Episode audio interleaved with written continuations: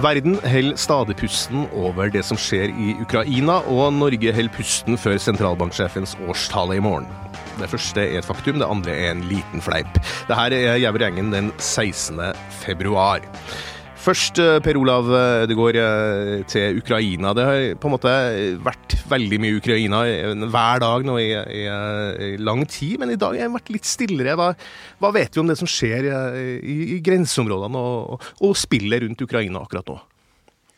Ja, det, Denne dagen, denne onsdagen, ble jo imøtesett med ekstra stor spenning ettersom uh, amerikanske, et, amerikansk etterretning og amerikanske ledere Eh, i forrige uke sa at eh, det kunne være selve angrepsdagen.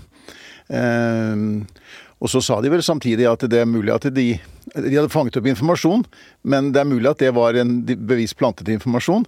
Det ser ikke ut som det blir krig i dag. Vi ser Vi krysser fingrene for det. Absolutt. Vi håper virkelig det, og heller ikke i morgen.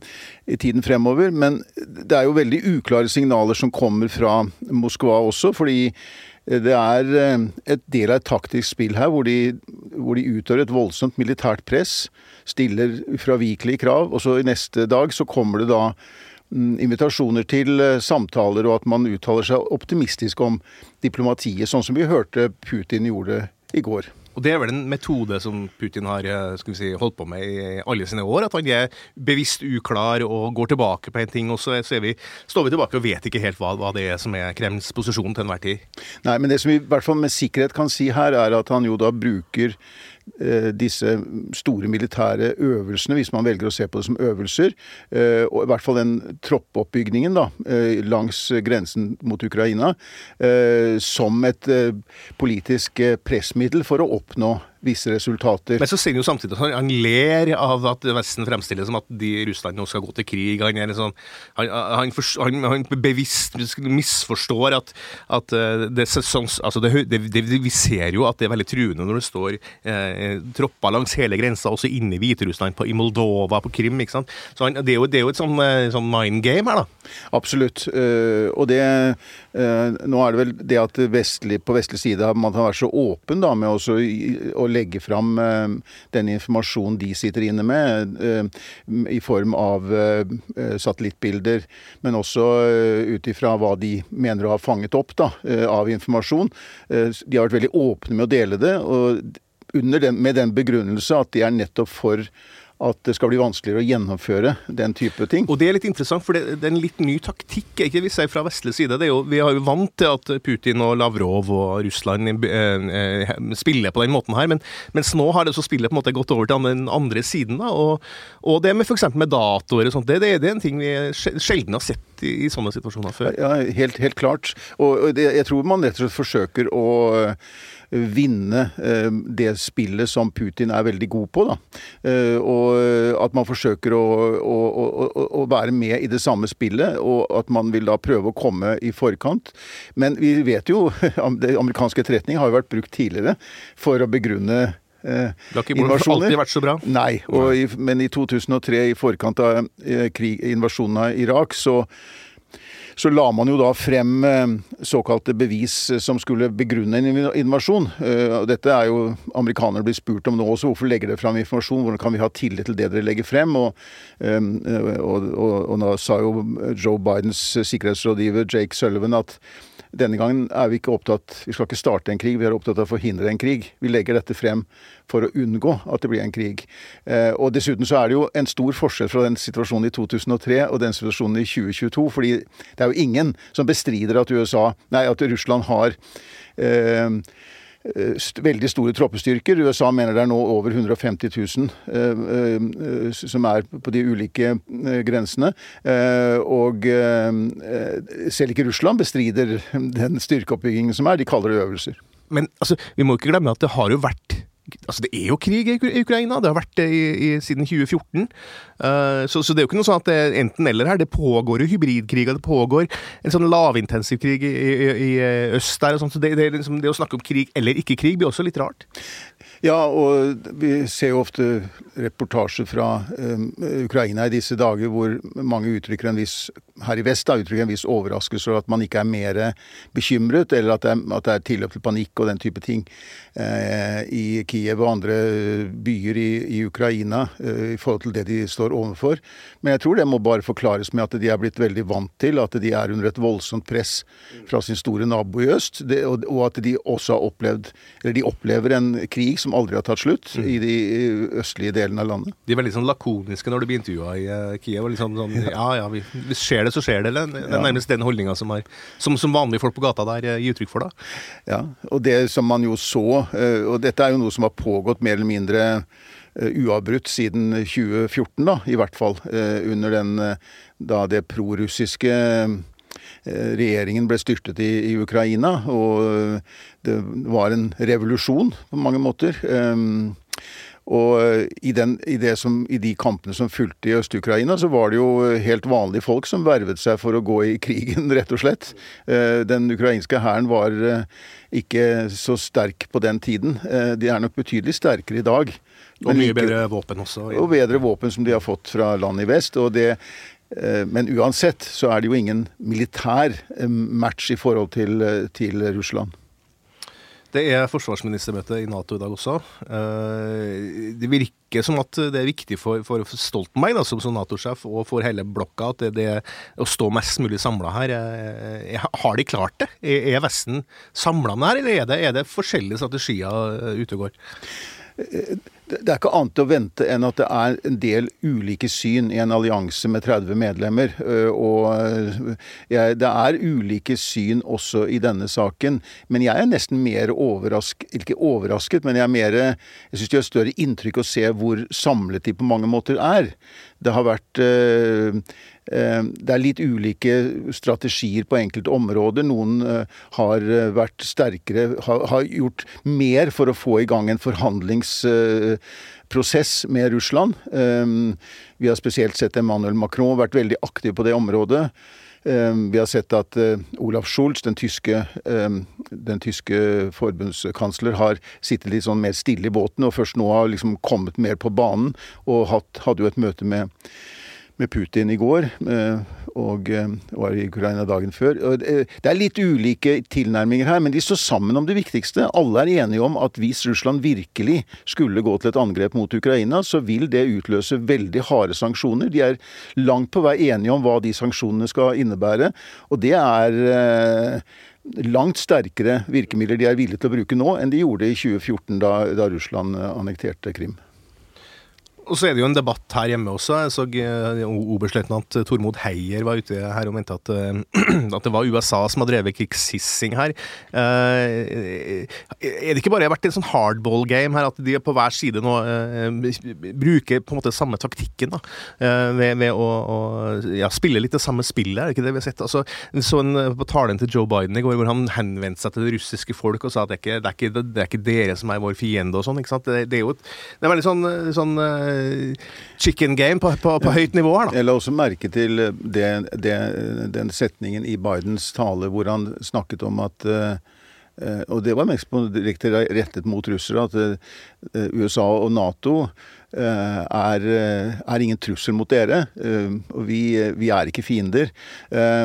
samtidig så og, og, det var jo en interessant samtidig, Og det var jo samme dagen som, både, som Putin også sa at de var villige til å prøve virkelig prøveforhandlinger. Ehm, og ehm, det er ehm, Jeg tror vi bare må forberede oss på at vi er over kanskje, over, kanskje over en litt annen fase nå, men det på ingen måte slik at denne konflikten er over med det første. Dette kommer til å vare lenge, og det har litt å si også hvem som på en måte har Jeg tror Putin har langsiktige planer, og så spørs det hvor eh, eh lenge eh, samholdet på vestlig side holder seg, da. Og en person som er litt uh, viktig for det samholdet, er jo Jens Stoltenberg som, som Nato-generalsekretær. Uh, hvordan har han spilt, uh, hvordan har han opptrådt, syns du, i den, den meget intense situasjonen vi fortsatt er oppe i da? Dette er jo den mest krevende situasjonen han har stått i i disse årene han har vært generalsekretær. og han har jo blitt gjenvalgt som generalsekretær, og det het seg jo at det var mange som ønsket at han skulle fortsette enda lenger. Men han skal jo hjem igjen. og Det er vel det som har vært, og spesielt gjennom de der ganske krevende årene da Donald Trump var president i USA, at han da klarte å Da var det jo virkelig en splittelse. Da var det jo virkelig veldig mye uro i alliansen. Og han greide på et vis å holde det sammen da. Og nå er det en annen type krise, som er forårsaket av en eh, ytre trussel, for å si mm. det sånn, av den oppbyggingen som Russland har foretatt eh, i øst. Ehm, eh, men til nå så syns jeg han har klart å balansere det godt, og klart å holde, holde alliansen godt samlet og, og, si de riktige tingene til rette tid. Så får vi som vi ofte ser, da, får vi jo se hva som skjer. Eh, det er noe som tyder på at det er en slags tilbaketrekning, og andre sier at det kanskje ikke skjer likevel. Er... Stoltenberg var ute og sa at de ikke hadde sett tegn ennå på, på, det, eller sikre tegn på det. Og at uansett hva, så har Russland så store styrker på plass at de kan i, i, og for seg starte en invasjon når som helst. Men eh, eh vi får tro at det nå er et tidspunkt hvor, som er kommet mer over på hvor man vil forsøke mer på forhandlingsveien. Da eh, skal vi snakke om eh, fortsatt på en måte snakke om Jens Stoltenberg. Eh, Sindre Heyerdahl, du er med oss på hjemmekontoret i, i, i vakre Follo, får vi vel si. Jens Stoltenberg skal jo ta over som sentralbanksjef etter alle solemerker, hvis ikke det skjer noe helt utrolig interessant i kontroll- og konstitusjonskomiteen. Men uansett, i morgen, Sindre, så er det sentralbanksjefens årstale, da. Og det er jo en av de her ritualene som, som binder nasjonen og institusjonene våre, våre sammen. Eh, gleder du deg til Øystein Olsens siste tale som sentralbanksjef? Ja, jeg gjør jo det. Eh, men så er jo jeg sikkert eh, mer nerdete enn de fleste på pengepolitikk, da. Så jeg skjønner at kanskje ikke alle syns det matcher sabelraslingen i Donbass. Men det blir spennende. Det er jo, som du er inne på, Hans Petter, det er liksom den årlige anledningen også sentralbanksjefen har da, til å, å, virkelig fortelle hva han har på hjertet, og om eh, pengepolitikk, men også veldig mye om politikken ellers eh, i økonomiverdenen i Norge, og hva som eventuelt bør endres og, og, gjøres med det. Og litt ekstra moro i år er jo da at eh, det er Øystein Olsens eh, aller siste årstall. Det er hans ellevte og siste før Jens nettopp tar over neste år og holder sin første, som noe av det første han gjør i ny jobb. Eh, og da, da, sitter jo eh, Øystein Olsen nå litt eh, løsere i stolen, kan vi jo håpe på. Han står litt friere Og Nå merker vi en sitrende spenning hos økonomijournalist Heierdal her.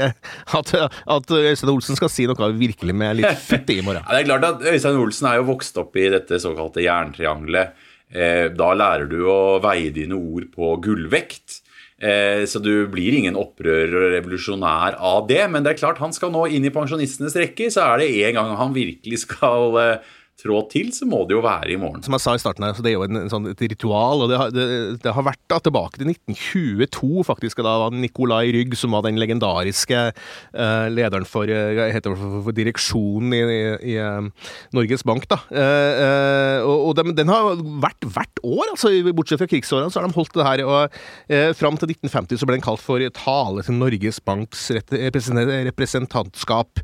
og Erik Brofoss omdøpte den til den økonomiske situasjon, Og da Hermod Skånland, eh, den uh, veldig uh, urtypiske sentralbanksjefen på 80-tallet, han kalte den for økonomiske perspektiver. Det er ikke akkurat noe sånn schwung over det her, men det er veldig sånn stødig og solid. Det er det. Veldig stødig og solid. Og så er jo da hele samfunnseliten, med unntak av i disse pandemiårene, så er hele eliten samlet på, på benkerader bakover. Godt over 300 stykker i den ærverdige speilsalen da i Norges Bank. Eh, så det er en egen schwung over det. Og, eh, og, den blir jo kringkastet også. Vi medier er jo opptatt av hva som sies der. Så den setter jo mye premier da, for hvordan debatten blir eh, i samfunnet. Og den er jo, som du sier, veldig ærverdig med så lange tradisjoner at den er liksom Det er en av de store happingene sånn blant uh, minglefolket da, i, i løpet av et år. Det er jo sjelden å se eliten være så Altså hele eliten, samfunnseliten fra, fra Ja, det jeg gikk gjennom og så på, på de ulike uh, gjestelistene som har vært gjennom årene, og det, det, det, alle har vært der, liksom, som, som kan på en måte ha vært, vært, en del av den norske samfunnseliten. Absolutt, og vi syns jo alltid det er spennende også ikke sant, å se på bordplasseringen, for den sier jo også noe om hvem som er hvem i det norske samfunnet, og hvem som er på vei opp, og hvem som er på vei ned. Får du f.eks. en plass da på sentralbanksjefens bord, under middagen, så er du virkelig eh, innafor, ikke sant. Så, og mister du plassen et år, så er du kanskje en fallende stjerne. Så det, det, er mye spennende kremnologi der også. Kommer Erna Solberg til å sitte ved sentralbanksjefens bord i år? Du, jeg tror vi får bordplasseringen i morgen, eh, så da får vi se på det. Og så er jeg jo faktisk spent på hvor mange det blir til den middagen, fordi det blir jo langt færre enn det pleier å være. I fjor var det ingen. Da avlyste de hele greia pga. pandemien. I år skal det visst være noen gjester, men jeg tror det blir ganske få. og Det blir spennende å se hva, hva det ender opp med. Eh, apropos Hermod Skånland, som var han, den sentralbanksjefen da jeg var vokst opp og ble, begynte å bli interessert i politikk og, og pengepolitikk og den slags. Eh, da eh, han gikk av, så fikk han et festskrift eh, til sin ære, og, den, og det hadde synes jeg, den fineste tittelen på en norsk bok noensinne, nemlig 'Stabilitet og langsiktighet'. Er, det er stabilt. det er stabilt. Du, eh, norsk økonomi generelt siden det går jo bra, gjør den ikke det? Altså det så kommer det tall i dag at veksten på 4,2 fra 2020 til 2021. Så til tross for pandemien, så har vi så norsk økonomi er, er sunn og sterk. Ja, det er den virkelig jevnt over, altså. Det er uh, gjeninnhenting, ikke sant, etter uh, pandemikrisen i, i, 2020, og veldig mange selskaper skuffer inn penger. Eh, det gjelder jo også da særlig vår den råvaretunge olje- og gassektoren vår, som, som går fryktelig godt for tiden. Eh, og i det hele tatt, AS Norge tjener jo veldig, veldig godt. Og så er det litt mer utfordringer da for eh, deg og meg og oss alle, fordi renten på boliglånet går opp, eh, prisen ved pumpene er høy, og selvfølgelig strømprisene er stadig veldig høy. Men totalen, den er veldig sterk for Norge for øyeblikket. Og det kommer sikkert Øystein Olsen til å komme veldig innom i talen nå. Men så er jeg litt spent på om han eh, også kan, eh, kommer til å snakke litt om arven etter pandemien. For det er jo en del skumle tendenser også. Eh, og Øystein Olsen har før vært opptatt av at vi ikke må bruke for mye oljepenger. At vi ikke må venne oss til å bare gå til staten hver gang vi trenger noe. Og de tendensene ser vi jo litt i samfunnet nå, så jeg tror nok kanskje at vi får høre litt mer om den biten i morgen. Det høres jo veldig eh, solid og ordentlig ut, det da, og stabilt og langsiktig. Eh, hvordan, eh, hvordan har Øystein Olsen vært som sentralbanksjef? Hva vil ettermælet hans bli? Jeg syns han har vokst mer og mer inn i rollen. Det er klart det er en rolle som er ganske så krevende, også med et stadig mer voksende oljefond. Men særlig på sentralbankbiten så har han jo alltid vært bunnsolid og blitt tryggere og tryggere med å finne de rette og gode ordene. Ehm, og i det siste så har han også gjort noen, eh, noen grep som jeg tror han eh, er fornøyd med, bl.a. at han startet på renteheving allerede i september i fjor som den første vestlige sentralbanken. Og når jeg snakket med han da, så var han opptatt av at eh, han trodde flere ville komme etter, og at det ville se likere ut etter hvert, og det har han fått helt rett i. Nå er, jo, eh, nå er det jo mulig at den amerikanske sentralbanken eh, øker renten en fem til syv ganger i år. Så, så, andre banker har kommet etter. Eh, Øystein Olsen ønsket ikke å ha renten for lavt lenge, det har han alltid vært opptatt på, og, og, og det ser ut som historien begynner å gi han litt rett der. Mm, og det var jo kontroversielt han gjorde det i høst, i og med at strømkrisen begynte å komme, og det var en, en varsel om en slags liten dyrtid som, som venta. Eh, det var, det var, på en måte et dristig grep, akkurat det der. Ja, og én eh, ting var jo septemberhevingen, eh, men også da desemberhevingen, hvor virkelig strømprisen hadde begynt å skylle inn, men han sa at vi må se forbi øyeblikksbildet. Og Vi hadde jo også da omikron, som uh, var usikkerhet om. Uh, men uh, Øystein Olsen valgte å se gjennom det. Det ble en tøff uke for han, har han innrømmet etterpå. Man, det var jo mange som ville at han skulle utsette den rentehevingen, han og rentekomiteen, fordi det liksom kom en hissig mutant som ødela mange utsikter. Men eh, Norges Bank sto på sitt, og det viste seg jo at de stort sett eh, hadde rett der. Eh, omikron ble ikke så alvorlig. Det har stort sett eh, blåst over. Uten at vi skal si at det ikke kommer noen nye mutanter. Men eh, norsk økonomi ellers går så bra at eh, kriselave renter, det må bort. Ett spørsmål til, Sindre. Vi slutta jo av første bolken med Ukraina med, med å, snakke litt om Jens Stoltenberg også. Er, altså, Øystein Olsen er jo en som du sier tilhører jerntriangelet mellom Finansdepartementet og SSB og, og Norges Bank. En solid, traust byråkrat på mange måter. Hvordan, hvordan vil en sånn, mer en sånn flamboyant type som Stoltenberg egentlig passe inn i den der eh, rollen der? Ja, det blir jo veldig spennende å se, men eh, som eh, finansminister annet, og, og som statsminister, så har jo også Jens Stoltenberg vært veldig koblet på dette jerntriangelet og embetsverket. Og han var jo med sammen med bl.a. Øystein Olsen da, for å legge denne handlingsregelen for oljepengebruk. Så eh, jeg tror han snakker veldig godt med den eh, gjengen der. Og så blir det spennende å se blir han eh, en litt sånn aktivistisk politiker, eller blir han kanskje enda mer forsiktig enn vi har vært vant til å se sentralbanksjefene? Det siste kan jo også skje, at han blir så redd for å ta i noe som helst som lukter politikk, at han blir vel forsiktig. Og Det er jo en morsom episode fra 2012 hvor Øystein Olsen holdt en årstale. Tok til orde for å stramme inn på denne handlingsregelen, stramme inn på oljepengebruken. Og så avviste statsminister Jens Stoltenberg forslaget allerede før desserten på banketten på Grand Hotell. Og vi kan jo tenke oss nå, kommer en Jens Stoltenberg til å komme med noen oppfordring som vennen statsminister Jonas Gahr Støre skal avlyse før desserten? Det spørs vel. Nei, altså For, for sånne nerder som deg, så er jo det drømmescenarioet at noe sånt skal faktisk skal skje, da. Som kanskje mange andre ikke engang legger merke til skjer, ikke sant? Det hadde Eh, vært, hadde vært og, noe. og for å si det bare, også Jens Stoltenberg er jo en like stor nerd som du er, Sindre, når det kommer til pengepolitikk og, og det jerntriangelet som du snakka om. Det skal være sikkert. Han gnistrer i øynene han snakker om tall og grafer. Ja, da, det blir spennende. I morgen er altså årstallen til sentralbanksjef Øystein Olsen. Og så skal vi følge veldig nøye med på det som skjer i Ukraina. Eh, Med oss, eller I podkasten i dag har vi altså Sindre Heierdal med fra hjemmekontoret sitt i vakre Follo. Eh, Vi har Per Olav Ødegaard her i studio. Mitt navn er Hans Petter Sjøli. Og mannen som sørger for eh, stabilitet, stabilitet og langsiktighet her i podkasten, er vår produsent Magne Antonsen.